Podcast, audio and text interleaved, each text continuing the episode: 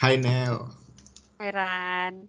Nah jadi di episode kali ini, ini tuh bakal ada segmen baru ya Nel, namanya apa Nel? WDYT episode Iya, 01. bener. Jadi eh, di WDYT itu tuh eh, kita bakal ngebahas sesuatu eh, sedikit lebih julid ya dibanding episode biasanya. Jadi kalian jangan kaget kalau misalkan ada beberapa kata kasar atau kayak terdengar kayak ah shit gitu. Ini bener nih si Rano yang ngomong atau si Nelly gitu yang ngomong.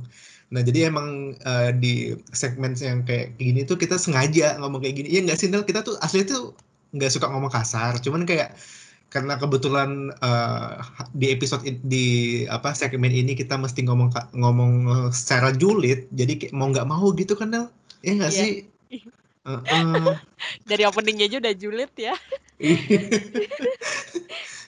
Nah, kebetulan tema yang kita bahas hari ini itu adalah anak inter.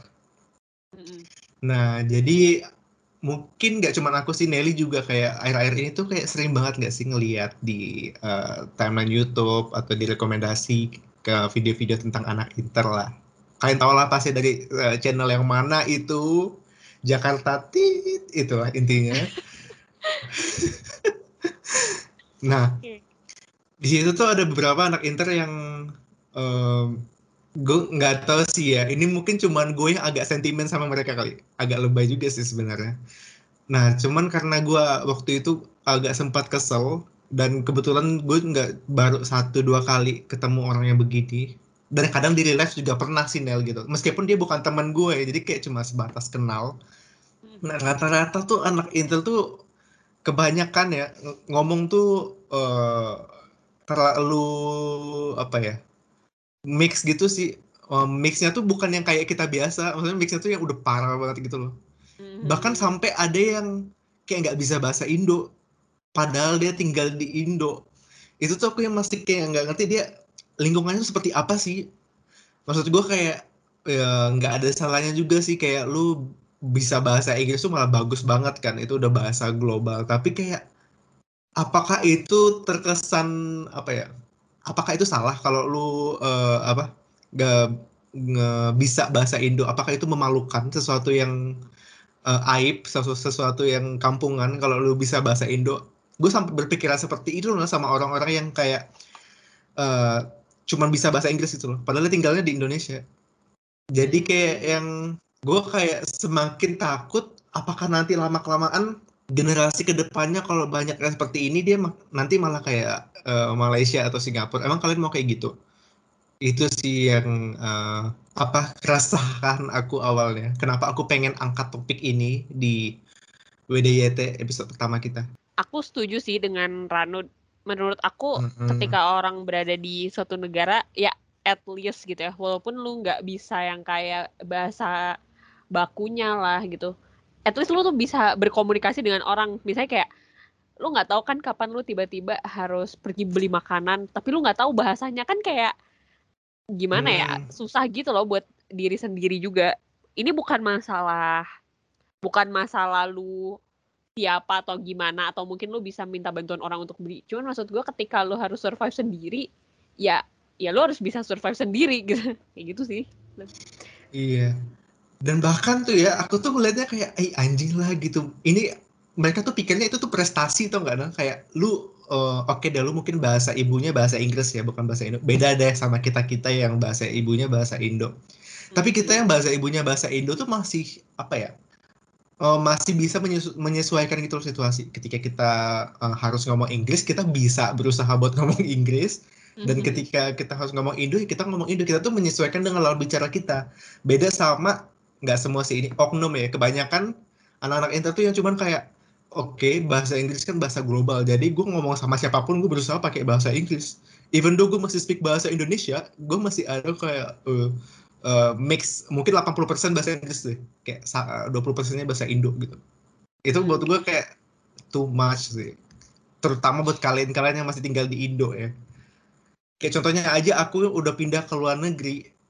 Aku tuh kayak eh, apa ya? Maksudnya kayak belajar gitu loh semua kayak eh, tempat yang bakal bakal gue tinggalin tuh kayak belajar bahasanya, budayanya, orang-orangnya seperti apa gitu.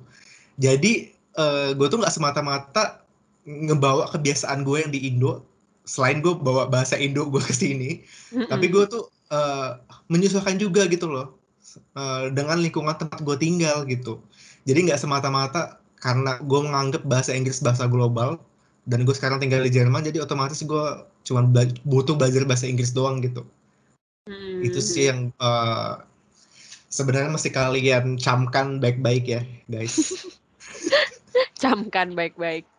Tapi Iya. apa ya kayak em, emang ini tuh kelihatannya kayak sederhana ya, misalnya kayak bahasa, kayak masa, Hmm. maksudnya bahasa sesederhana mau beli makanan itu atau kayak tahu sejarah-sejarah suatu tempat, tapi itu tuh eh, bisa jadi penting ketika orang tuh nanya ke lu misalnya kayak lu pernah ke Indo ke Indonesia ya?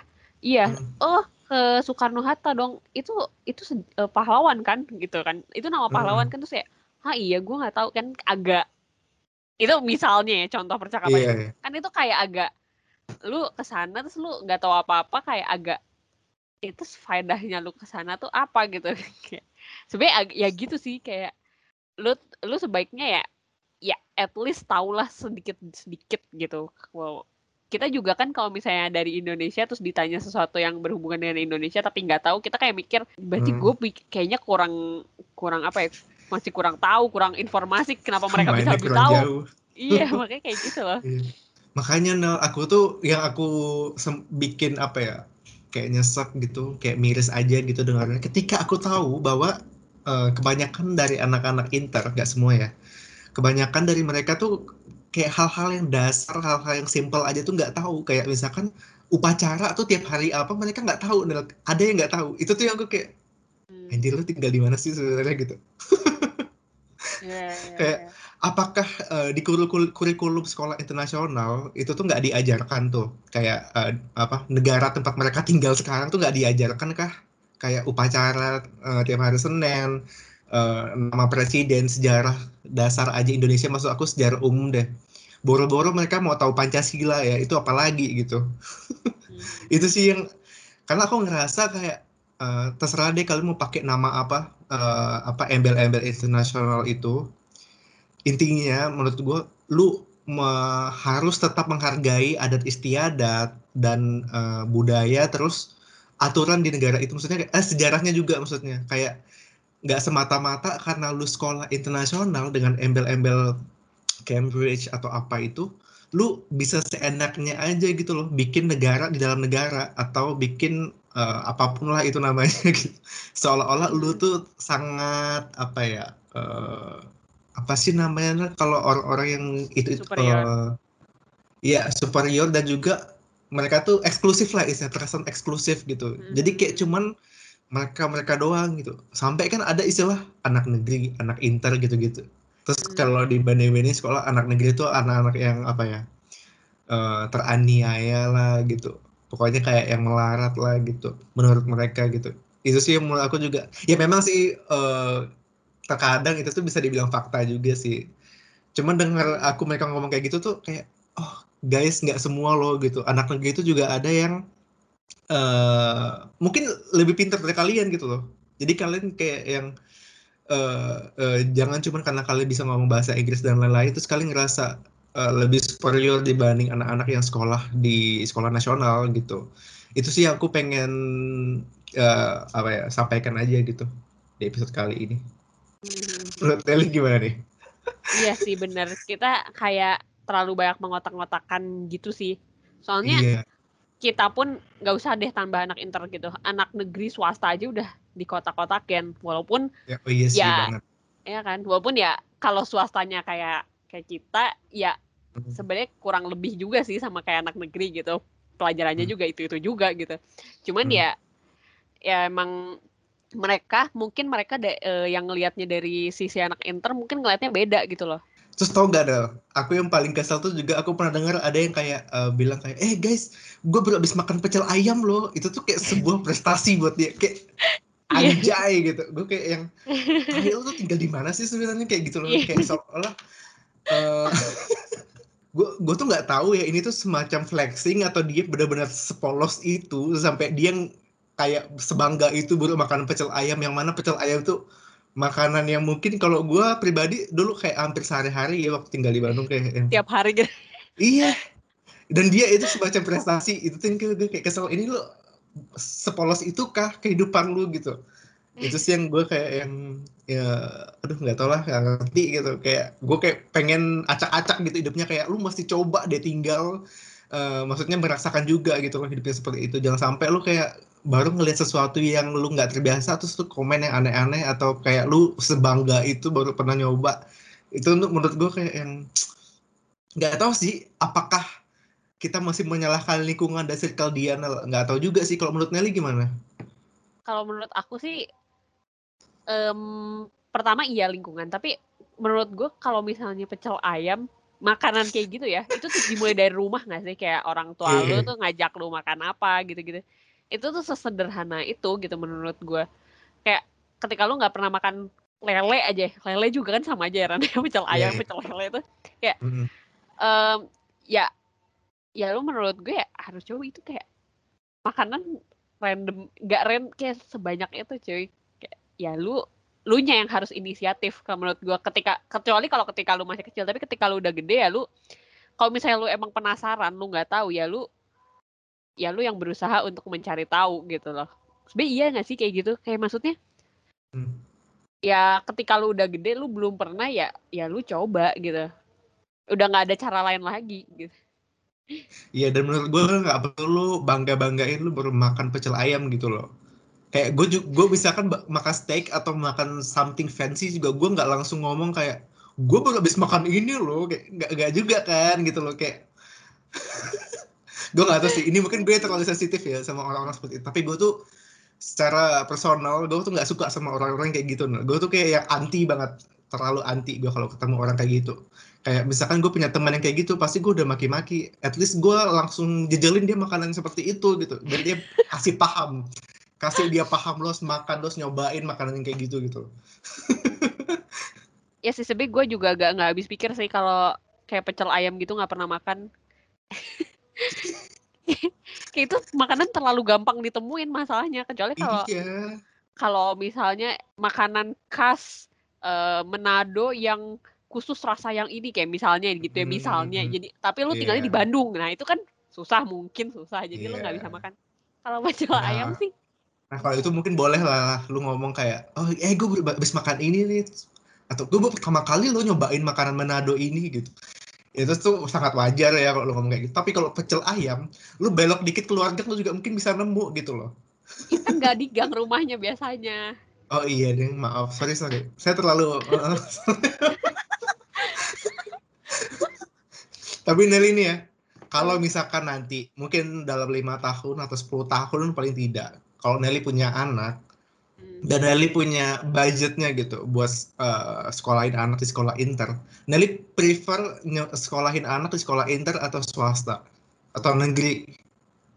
eh gue mending di sekolah swasta atau negeri sih. Bukan karena gini gini. Soalnya gue kenapa nih? Kenapa nih? soalnya gini gue mikirnya adalah ketika poin plus lo adalah berbahasa Inggris misalnya, menurut gue gue Mhm. bisa lesin aja di IF gitu.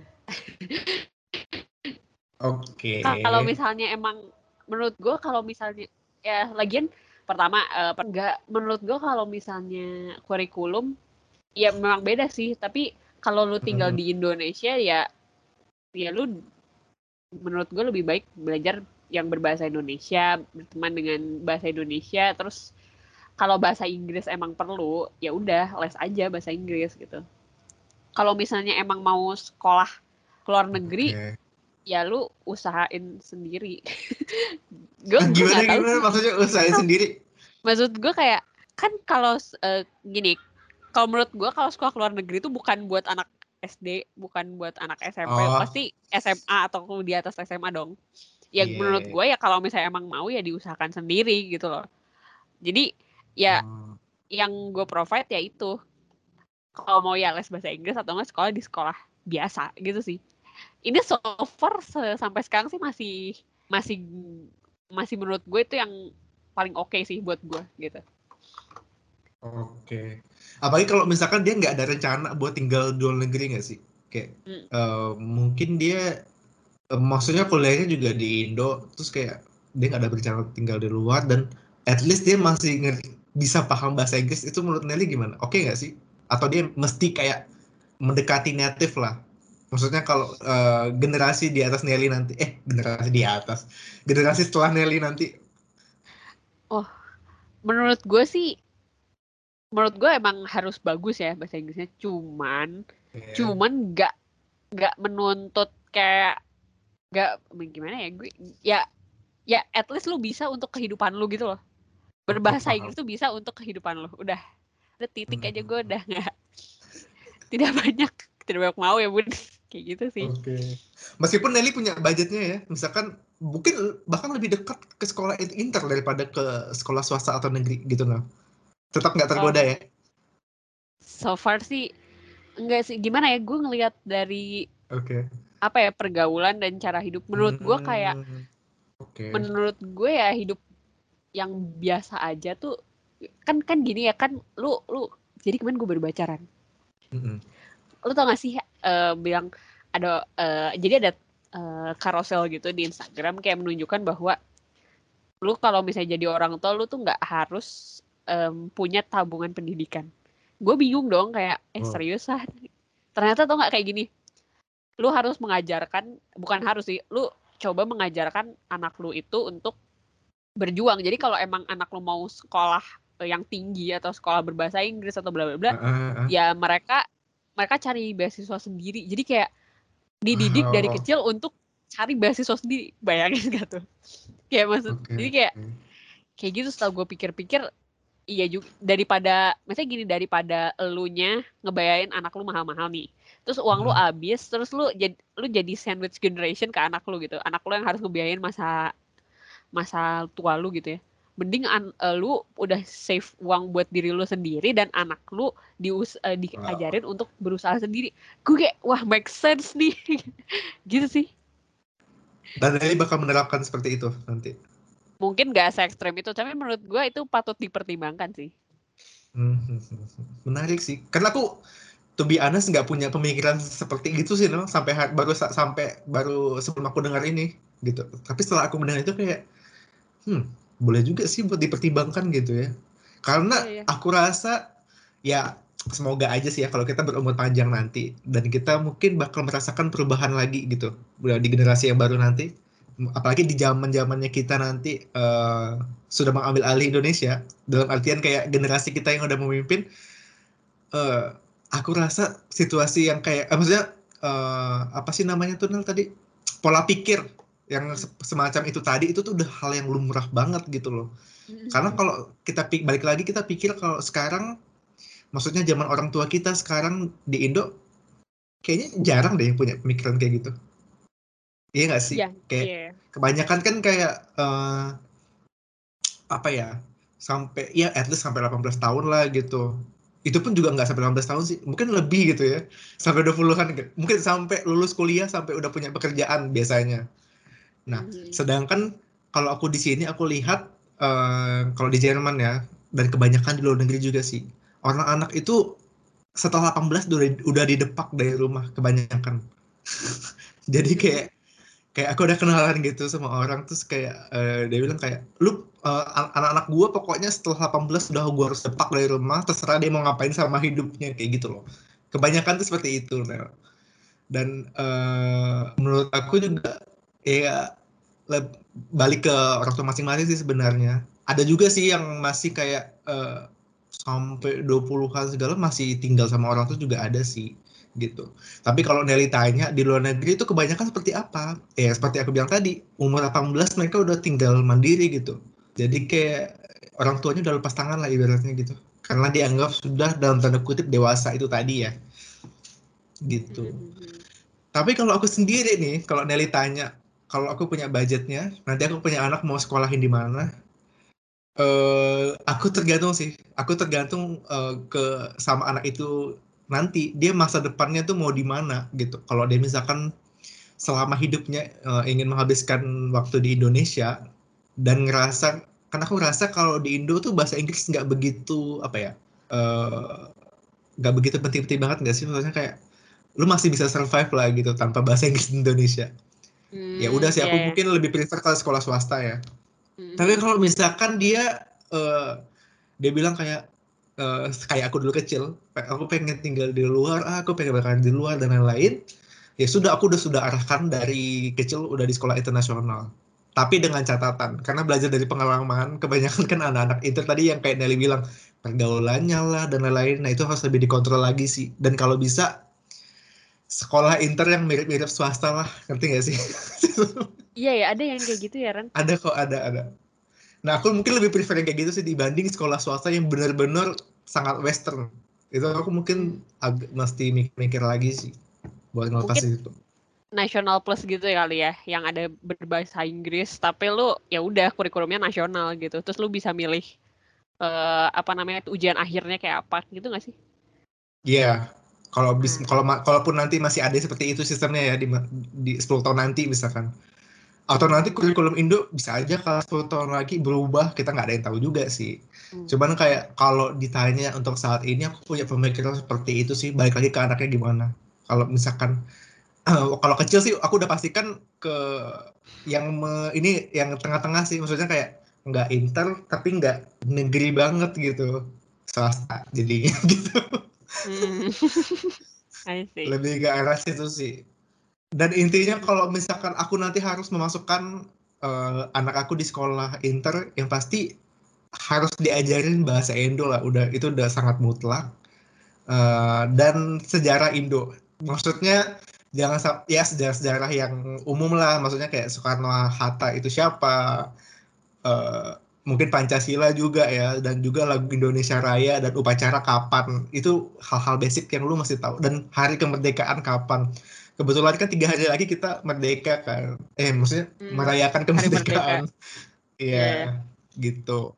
Gitu doang sih maksudnya nggak kayak nggak sampai lu mesti tahu peristiwa rengas dan kelok lah apa enggak enggak nggak sampai kayak gitu sih. Karena nggak semua orang juga tahu kan kecuali memang yang eh, sejarah freak gitu mungkin dia pasti tahu itu doang sih. Aku tuh sebenarnya bukan yang lebay atau sangat eh, apa ya sangat cinta sama negara ini. Nggak yang kayak gitu. Tapi aku tuh lebih ke hal yang apa ya cobalah gitu. Hal-hal yang simple yang sederhana.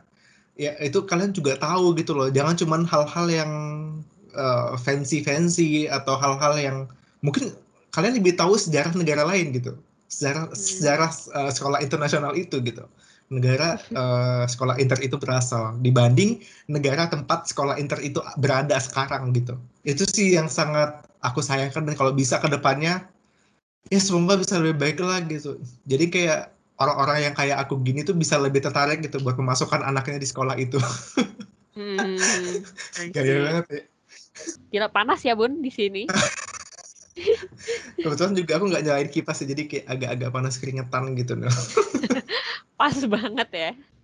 Iya, tapi intinya aku tuh berharap ya at least pendidikan di tempat di negara kita tuh juga bisa lebih baik sih. Dan kalau kalau bisa tidak berat sebelah gitu loh. Kayak contohnya aja sekolah inter, mereka mungkin kurikulumnya bagus, Hmm. tapi lihat eh, eh, anak-anaknya, apakah mereka paham gitu sama situasi mungkin di negara tempat mereka berada sekarang gitu bahkan. Apalagi yang WNI gitu sekolah tapi sekolah di sekolah inter. Itu sih yang kayak oh shit gitu. Karena aku ada kenal nih ya dia anak sekolah inter di Frankfurt nih tempat aku tinggal. Mereka tuh eh juga nggak bisa bahasa Jerman lah kebanyakan. Oh. Tapi mereka tuh di Frankfurt gitu. Itu tuh yang aku kayak eh, bingung gitu loh. Apakah mereka bikin negara negara sendiri gitu? Eh mungkin cuma bisa bilang terima kasih sama gitu doang. Tapi selebihnya tuh mereka nggak bisa sama sekali Nel. Itu tuh ya aku bingung. Padahal mereka tuh udah bertahun-tahun tinggal di Jerman istilahnya. Aku nggak tahu sih ap- apakah mereka ngerasa itu tuh nggak penting kali ya. Tapi aku Mm. aku tuh aku tuh term- tim tim yang mana kalau lu tinggal di sebuah negara, lu at least tau lah bahasanya gitu. Meskipun ya nggak harus natif banget, tapi kayak at least lu terima kasih, minta makan atau ngob sepatah dua kata sama orang lokal lu bisa gitu loh. Itu sih. Iya, nanya jalan tuh bisa jawab, kayak gitu nggak sih? Iya, i- Jadi intinya dari episode WDYT pertama kita hari ini, aku tuh pengen bilang sebuah peribahasa yang udah pasti kalian sering dengar. Apakah apa itu Nelly peribahasanya? Apa tuh? Gimana di mana bumi dipijak di situ langit dijunjung bener gak sih? Betul. Nah itu. Betul. Itu doang intinya. Jadi aku tuh bukan yang orang yang sangat cerewet atau yang lebay atau gimana. Aku tuh sangat gelisah gitu loh. Mendengar kok makin ke sini orang-orang tuh makin kayak uh, apa ya lupa gitu loh di mana mereka berada sekarang gitu. Apalagi di mana mereka berasal. Boro-boro lah gitu itu doang sih episode juli pertama kita kali ini dari aku Nel. Ya semoga kita lebih sadar tempat kita tinggal di mana dan ya kita bisa jadi orang yang berguna di situ. Itu aja sih sebenarnya. Bener banget sih. Ya jadi sekian dulu episode WDYT kita kali ini. Sampai jumpa minggu depan. Ciao. Ciao